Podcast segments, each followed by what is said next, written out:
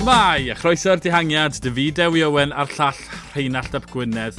Dwrnod, sili arall yn y giro. O'n i'n disgwyl llawer ar y ddringfa i pian cyfalo ar gymal 15, ond mi gathon ni tipyn. Oedd e'n dinistyr, oedd y peloton ar chwal ffefrynnau'n colli amser mowr, a mae'r giro di newid unwaith eto. Llwyr gwedd newid beth mwy allan ni ofyn am Rheinald. Nawr, Rheinald, fi'n gwybod bod ti wedi edrych ar Flanders. Sa'n mwyn gwybod unrhyw beth amdano fe, byddwn ni'n gwneud pod fori yn trin a thrafod e, felly paid a sôn amdano fe, ond y giro, oedd y rasio giro yn ddigon heddi, yn roedd e? O, Oedd e'n bonkers. Ie, yeah, fel, fel ti'n gweud, o'n i wedi bod yn gwylio Flandres ers 9 o gloch bore yma, a wedyn ni'r diwedd ras, switch o draw, a dal y ddringfa ola, a ie, yeah, uh, oedd yn syndod mawr a dweud y lleia. O'n i wir ddim yn disgwyl beth, beth, beth weles i, y, y ddinistr yna, fel o ti'n gweud. Ond dyna pam ni'n caru'r giro, yn amlach na heb, mewn Grand Tour yn yr Eidal. Newn ni weld rhywbeth fel un, ie, yeah, oedd, oedd y ddringfa ola yna yn ffantastig. Oedd e ddim yn hawdd heddi, ond gyda so, tri dringfa cat dau, ddim y mwyaf a dim ond un dringfa um, cat un ar y diwedd. Oedd e ddim y dwrnod mwy o herio, ond mi welon ni twyd, synweb yn mynd ati yn y kilometr cynnar, Nico Denz yn ei shift anferthol, wedyn twli draw i Chad Haga. Um, yna dath tîm Fulsang i'r blaen a cymryd y kilometr cyntaf Pian cyfalo, dim byd lot yn digwydd, twyd Fabio Fellini yn methu rhwygo fe i ddarnau, a wedyn gymrodd Chris Hamilton drosto. A just o fynd o ddim byd i o fewn kilometr oedd Potsa Vivo mas y cefn, oedd Pelo Bilbao mas y cefn, McNulty mas y cefn, oedd Fulsang mas y cefn, a wedyn, twyd, Jai Hindley cymryd drosto, mas Nibli mas y cefn, Conrad, Maica, a wedyn Almeida. O, dim ond Jai Hindley, Teo Gegan Hart, a Wilco Celderman, oedd ar ôl gyda rhyw 6 km o'r ddringfa i fynd. O'n i ddim yn profwydo byddai pob un o'r ffefrynnau y blawn Celdamon wedi mynd ar led heddi. Oedd hwnna yn syndod mowr i fi hefyd. Uh, Sunweb wir yn edrych fel tîm mm -hmm. Grand Tour go iawn, ond on wych. Ti di enwi nhw gyd, ond ie, yeah, siapo i Hamilton a Hindley yn enwedig. Uh, chwalu'r grŵp na.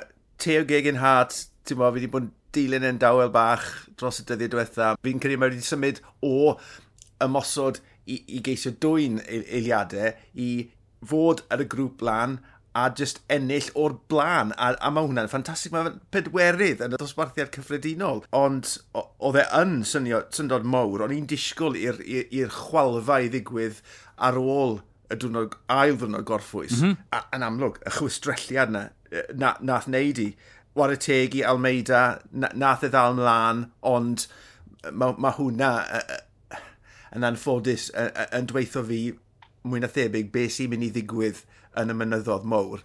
Bo, nath e lwyddo a achub y pink, ond mwy o hynny, mwy o ollwng uh, newn i weld yn anffodus iddo fe. Um, well, so, nath e golli 35 eiliad i um, criw Celderman gig yn hat, ond mi nath e ennill amser ar Maica, mi nath e ennill dros hanner munud, Conrad, Fulsang, Fulsang Nibli Bilbao, mi nath ennill munud dros... Twyd, Cymra, grŵp Celd yn Hindli a Teo gig yn hat, mas ohoni, a bydde, a bydde be nath Jaw Almeida he, heddi i'r i'r ffefrynnau yna yn rhyfeddol. Felly, dwi e ddim mas ohoni, mae'r podiwm yn, yn edrych yn twyd, Mae'n edrych fel ffefryn i orffen ar y podiwm bron o fod, yn dwi e? O, Ie, ie. Yeah, na, beth o'n i'n gweud oedd... Mm o, o rhywun sydd wedi gwisgo y pink am gyhyd, oedd e jyst yn gweithio fi, reit, diw'r pink na ddim yn mynd i aros ar dy ysgwyliau di. Oh, yeah. um, a fi'n fi, fi rhagweld bydd Teo yn gorffen i'w chi benne, Celdam yn bendant, Celdam yn mynd i thebyg yn mynd i ennill yr oes beth, ond wedyn ni ti'n edrych ar Jai Hindley, faint o waith mae fe mynd i wneud yn claddu hunan o ran y capten, a dwi'n mynd am ni tynnu gormod o egni mas o'i goesau fe, iddo fe gael siawns, bydde fe'n amazing, ta se, dau synweb yn gallu benni an yn y podium. Ie, yeah, mae fe'n rhyfeddol bod e wedi rhoi'r amser mewn i'r lleill, ond on, o'n, on i'n edrych uwch i benne yeah. yn edrych na'r tu ôl, achos o'n i bron o bod wedi anghofio am Nibli a, a Fulsang a, a Potter Fifoc yn y blaen, ond y môr bell nôl. Mae rai fi wedi, oedd hwnna'n syndod mawr, ond i rili, really, rili really yeah. ddim yn disgol hwnna. Fyna chwaith. Um, ie, yeah, no, o'n i'n deall beth o ti'n mynd, o o beth o ti'n feddwl, ond twyd, just i adlywyrchu, di wal, gatha meida ddim ei gladdu fan hyn, oedd e'n y beth ddigwyddodd, oedd e'n rhyfedd o bod y gweddill wedi just chwythu lan yn ei gwynebau nhw ti yn gywir i weid, a mae perspektif yn bwysig iawn. Oedd e'n heiddi hwnna, da iawn ti. Ie, yeah, um, mae e dal yn y pink, mae e dal yn y gysadleuaeth. Ie, um, yeah, hefyd sa'n disgwyl e i bara, ond yn y mynyddau mawr, twyd, ni'n fel Celdaman yn... Dyw Celdaman byth di gorffen ar pod yn Gran Tor, mae di cael cyfleuon. Twyd, dyw Teo Gegan Hart, dyw Jai Hindley, dyw Almeida byth di cael cyfleuon. Un peth ni wedi dysgu'r tymor ma yw peidio gweud bod rhywun rhy ifanc, rhy amrofiadol i allu delio gyda'r drydedd wythnos. Ni'n dysgu bod yna ffurf newydd ar seiclo. Um, Celdyman yn ffefryn, oedd Teo Gegan Hart yn edrych yn gryd, mi oedd frawd ti, syth pa mathau e dros y llun, i'n gweud, wel, fe sy'n mynd i ennill nawr. Oedd e'n credu bod Teo gig yn hat yn edrych gryfach. Yn hynna'n, Mae i'n credu ta'r Jai Hindley oedd yn edrych gryfach pa. Fi'n fi gallu gweld sefyllfa ffrwm Wiggins yn digwydd lle mae Jai Hindley, tyma, Jai Hindley a Teo Gegenhardt, a fe'n eiliad i gilydd, 2 funud 56 tu ôl i Almeida, a mae Celdman 15 eiliad tu ôl i Almeida. Wel, gyda'r mynyddo sydd i ddod, onest, Jai Hindley a Teo Gegenhardt yn edrych gryfa. Oedd Hindley yn edrych yn ffab heddi. Oedd e, er wedi creu'r dinist yna, oedd e, oedd e, uh, yn beicio o fewn i hunan. A ie, yeah, o ti'n iawn, oedd Teo, oedd digon egni dy fe i swingo mas, yn gyfforddus i edrych nôl i weld yr effaith oedd y chwistrelliad wedi cael ei rhoi. Oedd na fan ychwanegol yn ei feddwl e i allu ystyried y ddarlun mawr yn hytrach yn bod y tunnel vision na, mm -hmm. oedd mwy gyda Teo. Felly mae hwnna yn llanw dyn a lot o gyffro o ystyried yr hyn sydd i ddod ie, yeah, nawr bod fi wedi cael twyd, y cyffro mas o'r corff a gweud, ww, mae Jai Hindley fynd i mosod y fe. Ti'n disgwyl yn synhwyrol ar y dosbarthau cyffredinol. Mae dwy fi'n yr... Wel, fi'n gwybod bod ni'n neud yr un cangymeriad wnaethon ni dy geraint ar y dwrnod cyntaf gweud, wel, ni'n diastyru Jao Almeida, ond Celderman, twyd, mae o styried bod y ras yn ebyn y cloc ar y mm. diwedd, mae e a wedi enll amser nôl, twyd, dwywaith yn y mynyddodd, i Jao Almeida. So, mae fe 2.3 chwarter y fwlch dros Hindley a Gegan Hart. O ystyru bod Hindley yn wael yn erbyn y cloc, mi gollodd e amser y mo, mi gollodd e munud a mwy i Teo Gegan Hart a, a mwy i Celderman. Felly, um, mae'n synhwyrol bydd y synweb yn rhoi Hindley i weithio i Celderman. O oh, ie. Yeah. Bydd yn hapus, mae yna ma, ma, ma na ddau peth dy fyna. Bydd yn hapus bod yn gallu gael gwared o Almeida yn y mynyddo mawr o beth mae'n gallu gweld. Celderman hynny yw, a mae dwy fyn ar y tri chwarter, plus rhyw 30 eiliad arall, 3 munud 15 eilad o fwlwch dy fe dros unrhyw un arall. Felly, twyd, ras amddiffyrnol bydd Celdman a gyda'r tîm cryfo bosib yn synweb. Felly, ie, yeah, wrth gwrs mae nhw'n mynd i edrych ar ôl Celdman, ond oedd hi just, wel, mae Jai Hindley wedi, wedi cymryd y cam lan fel nifer o'r to ifanc uh, eleni. A twyd, falle bod y thiri na o ffaith bod twyd, yn ystod y clo mowr, does dim plant ar bobl, ar boes ifanc yn, does dim unrhyw cyfrifoldeb dyn nhw, ond nhw'n gallu rhoi e, pen twyd, mewn, i, mewn i ymarfer gant y cant, heb orfod o fideo am rhywbeth, twyd, ar ochr arall fel rhywun fel Alex Dowsett, oedd yn poeni am ei gartre fe, oedd yn poeni am ei deulu fe. Felly, fi'n credu falle bod hwnna'n ffactor enfawr o ystyried beth sydd wedi digwydd i'r boes ifanc. Ond ie, yeah, mae'r deg ucha nawr yn ar ddechrau'r giro, bydde neb di gweud bod Almeida yn y pink, Celdam yn 50 eiliau tu ôl, wel falle, Jai Hindley 2.56, Teo Gigan Hat 2.57, Bilbao 3.10, Maica 3.10, uh, 3 munud 18. Nibli 3 munud a hanner nôl. Potsefifo bron i 4 munud. Conrad ochr all i 4 munud. Masnada 4 munud 12. A mae e'n stopo cyn bod Fulsang hyd yn oed arall un yna. Fulsang, wel, mae mae'n amser i ni, os ni wedi heb dysgu'n gwerth sy'n mynd mae'n amser i ni stopo trafod e fel uh, cystadleuedd ar gyfer Grand Tour, yn dweud? Uh, yn anffodus, odi. A gofio dod dim ond unwaith yn y saith mlynedd diwethaf, mae wedi dod yn y deg eich am mewn unrhyw Grand Tour, falle dylsyn ni wedi ystyried hynny beth amser yn ôl. Ond, ie, yeah, anhygol o ddwrnod, unios, fydd na drafod ar y bws, DS's yn sylweddoli ble mae Teo a ble all efenni lan, mae fe'n mynd i gael mwy o gymorth nawr uh, nag oedd e, ond nhw wedi rhannu'r tîm uh, yn, yn dda cyn tywa heddi bod na gnewyllun yn mynd am y cymalau a wedyn ni bod ati llon llaw o bobl jyst yn ei siŵr bod Teo yn saff yn cael ei fwydo ac yn y man cywir ond fi'n credu allai weld tywod, tren bach yn, yn cael ei ymgynnull o'i amgylch e, achos mae prosiect Teo yn, yn fyw ac yn iach, a o ystyried bod y capten Geraint tywa, wedi mynd adre dro yn ôl, y posibilrwydd bod rhywun o unios yn gallu bennu lan ar y pondiwm yn Milan, prif dywysydd Geraint, mae hwnna yn anhygol. A bydde hwnna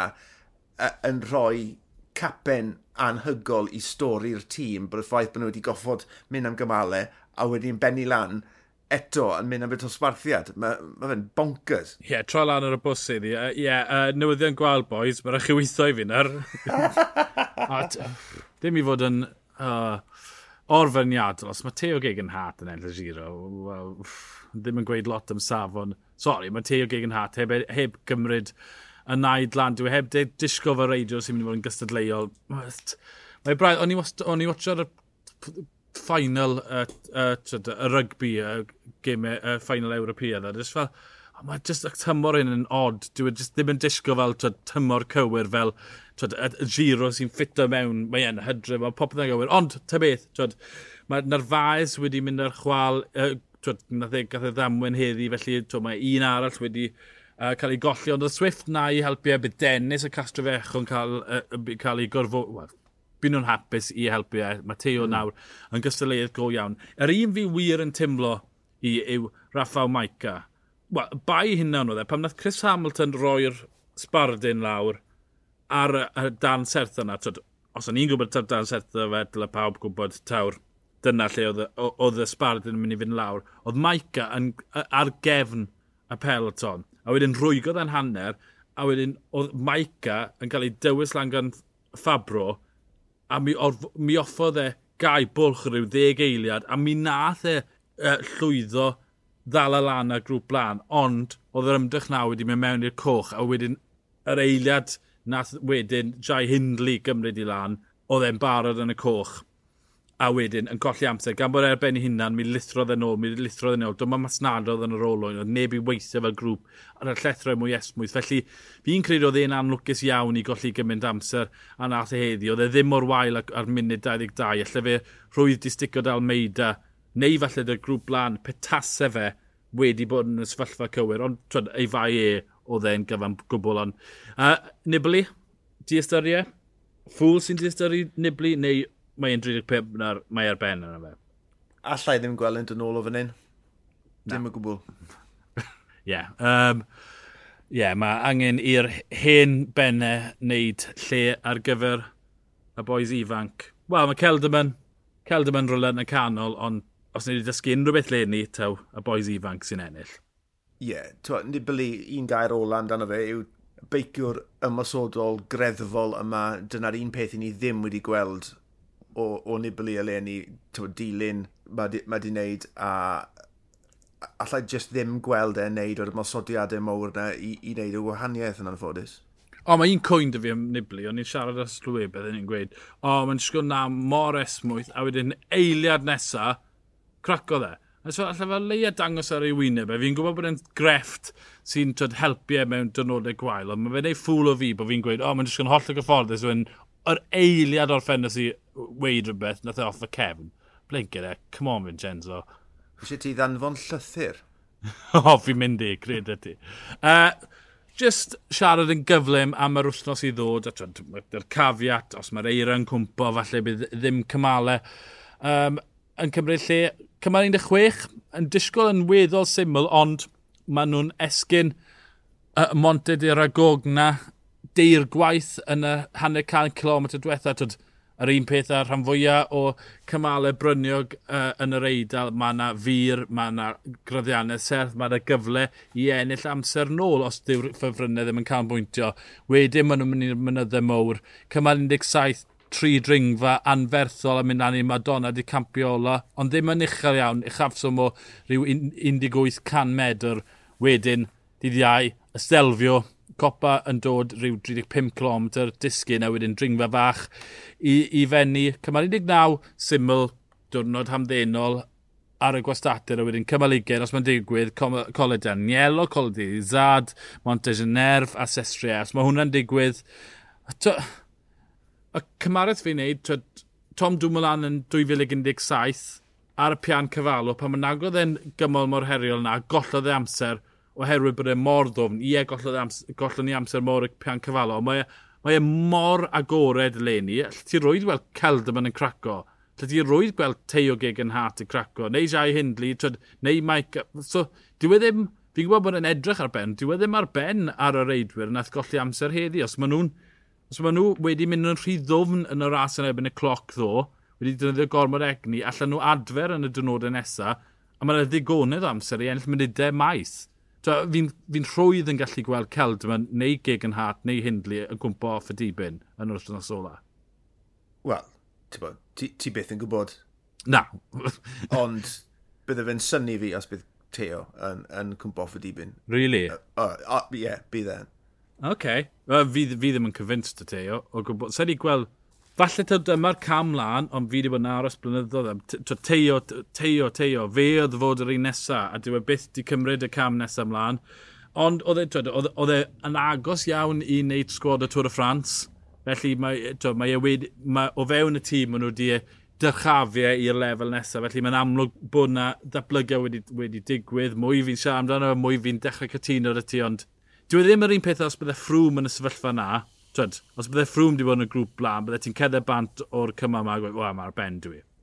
Reidio ffna, mae yna dal bosibiliad bod rhain, dyn nhw ddim yn reidwyr dibynadwy bod nhw'n cwmpo oddi ar y dibyn. Ond ie, rhai, twyd, y tri na heddi yw'r ffefrynnau. Mae ma rhaid ystyried nhw'n dyma. E?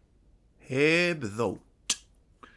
Wel, byddwn ni nôl fori i ffindo mas be mae Rheinald yn gwybod yn barod, be chi siwr o fod yn gwybod yn barod, ond be fi'n mynd i ffindo mas bore fori. Fi methu aros off gwaith, uh, codi deg o gloch o bore, switcho'r 100 km ola ymlaen. Ie, yeah, byddwn ni na i drafod taith Flanders, so byddwn ni hefyd yn trafod beth sydd ddod yn y Fwelta. Achos mae'r Fwelta ar y gorwel yn dechrau dyn mwrth, dau Gymro Scott Davis a Stevie Williams, dau Gymro Cymraeg yn rasio am y tro cyntaf erioed mewn Grand Tour. Felly, ie, yeah, ni gewn ni gypol o cyflym o beth sy'n digwydd fyna a beth sy'n wedi digwydd yn Flandres erbyn i chi ryndo. Ond y fideo i Owen, a llall Rheinald Llywgwynedd, ni'r dihangiad, hwyl.